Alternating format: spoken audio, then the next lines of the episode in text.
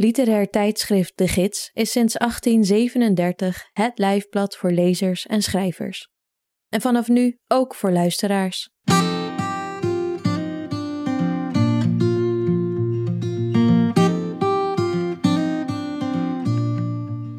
Je luistert naar Sprekende Letteren, een podcast met verhalen, essays en poëzie uit de gids, voorgelezen door de schrijver of dichter zelf. In deze aflevering hoor je Nadia de Vries. Voor de gids 2020-5, een themanummer over zelfdesign, schreef ze het verhaal Leeftijd, geslacht, woonplaats. Leeftijd, geslacht, woonplaats. Ik ben een rancuneuze vrouw in de vorm van een peer.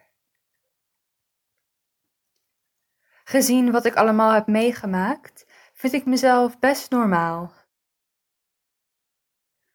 Toen ik jong was, had ik een moeder die veel ruzie maakte. Eens in de zoveel tijd kwam een van haar vijanden weer eens wraak nemen en er werd er een hoop paardendrollen in krantenpapier bij ons door de brievenbus geduwd. Kijk, mama, een verrassing, riep ik uitgelaten wanneer er weer een nieuw poeppakket op de deurmat viel. En dan zei mijn moeder: Nee, lieverd, dit is niet hoe een verrassing eruit ziet. Ik was zeven toen ik leerde wat het woord guillotine betekende. Het was door een documentaire over Marie Antoinette, die mijn moeder voor me had opgezet omdat ze dacht dat het een prinsessenfilm was. Soms luister ik naar agressieve muziek terwijl ik auto rijd. Ik ben dan altijd bang dat ik per ongeluk een botsing veroorzaak, of erger nog, dat ik opzettelijk een botsing veroorzaak omdat de muziek het van me vraagt. Ik ben een aardig mens, zodat je verliefd op me wordt. Als je beweert verliefd op me te zijn, zal ik je vragen om 10, 20, 100 hondjes door het park te rennen om het aan me te bewijzen. Als je mijn instructies opvolgt, zal ik onmiddellijk mijn interesse verliezen. Gehoorzaamheid verveelt me. Als ik lach, hou ik mijn tanden voor mezelf. Ik schaam me voor de dingen die in Google zijden handschoenen bij mij in de buurt. Wanneer mensen zeggen dat ik een zandloperfiguur heb, ben ik bang dat ze bedoelen dat ik eruit zie alsof ik jong zal sterven.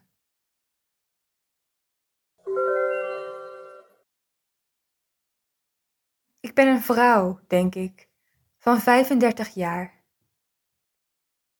Ik ben bang voor zwarte gaten en het woord mitrailleur. Mijn dochter pubert als de neten.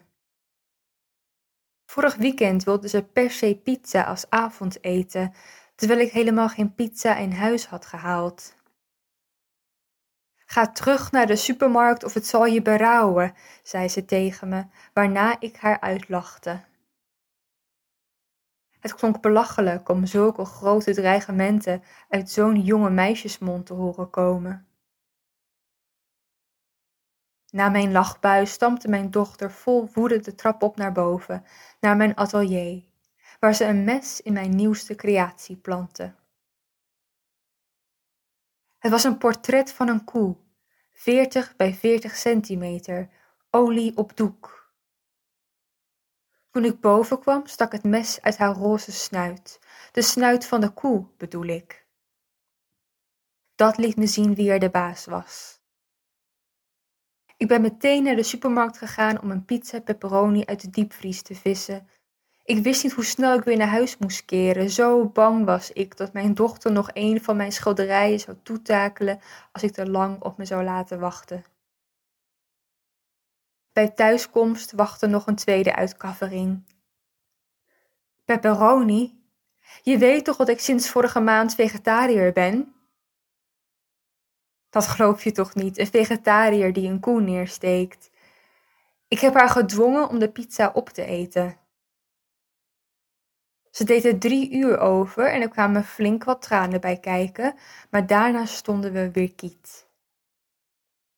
Ik laat niet over me heen lopen. In groep 8 hield ik mijn spreekbeurt over de okapi. Als ik wijn drink, vind ik mezelf leuk, maar als ik nuchter ben, twijfel ik weer. Ik zou wel eens een koala willen vasthouden en er dan mee op de foto gaan.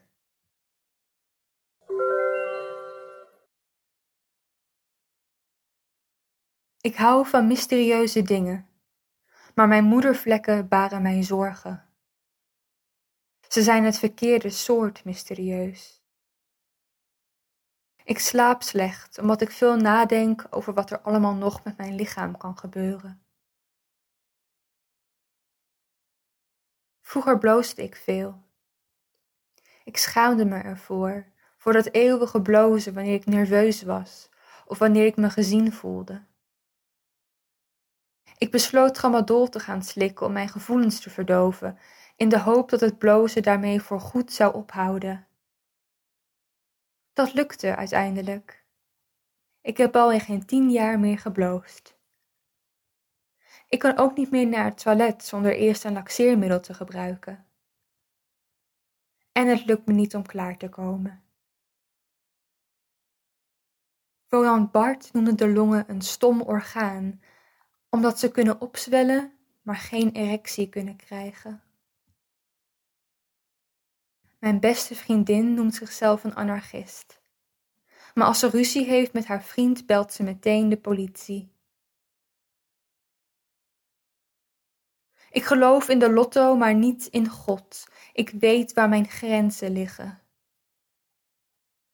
Vorige week schreef ik iemand een zeer intense liefdesbrief waarin ik mijn intiemste gevoelens bekend maakte. Daarna schreef ik er nog een brief achteraan waarin ik alles weer terugnam. Ik kom regelmatig thuis met spullen waarvan ik me niet kan herinneren dat ik ze ooit wilde. De laatste tijd probeer ik liever voor mezelf te zijn. Hiermee bedoel ik dat ik mijn lichaam dagelijks insmeer met bodylotion en dat ik ben gestopt met roken.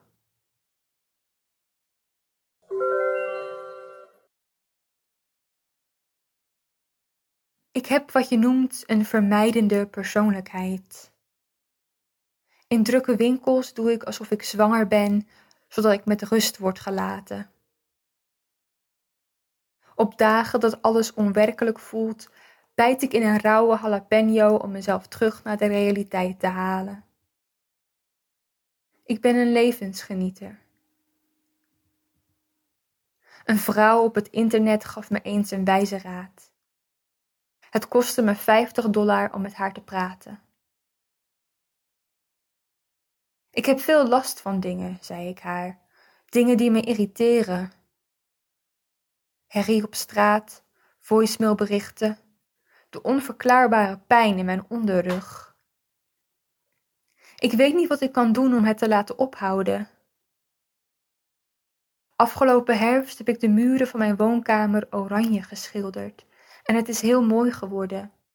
Maar ik erger me zo aan alles dat ik zelfs niet van mijn nieuwe uitzicht kan genieten. Ik ben ten einde raad. De vrouw zweeg even. Koop een citronella-kaars en een notitieboek, zei ze toen. Schrijf alle dingen die je irriteren op in het notitieboek en knip de regels één voor één uit. Steek dan de citronella-kaars aan en verbrand de repen papier in de vlam. Weer je irritaties af alsof het muggen zijn. Laat ze as worden. Ik knikte naar haar en daarna verbrak ze de verbinding. Ik volgde haar advies op, maar na een tijdje begon het verbranden van het papier me te irriteren. De geur van de as behaagde me ook al niet. De overgebleven irritaties heb ik toen maar opgegeten. Het papier smaakte nergens naar en mijn spijsvertering verliep zoals gewoonlijk. Het was net alsof mijn irritaties nooit hadden bestaan. Ik betaal graag voor geruststelling. In de horrorfilm in mijn hoofd wordt het veganistische meisje gedwongen zich een weg door een berg vogelspinnen te eten. In mijn meest recente droom gooide ik een watermeloen van mijn balkon, maar hoorde ik hem niet landen.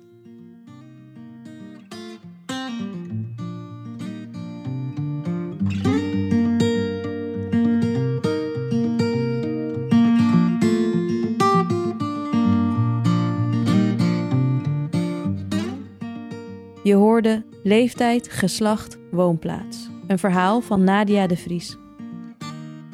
Nadia de Vries schreef de kritische memoires Kleinzeer en de Engelstalige dichtbundel Dark Hour. Ze is net gepromoveerd aan de Universiteit van Amsterdam op een proefschrift over de online afbeelding van het dode menselijk lichaam. Momenteel werkt ze aan haar debuutroman. Wil je dit verhaal lezen? Dat kan. Alle bijdragen die je in sprekende letteren hoort zijn terug te vinden op onze website www.de-gids.nl. Wat je ook kunt doen op die website is een abonnement nemen op de gids. Vanaf 20 euro per jaar ben je abonnee en steun je de Nederlandstalige letteren.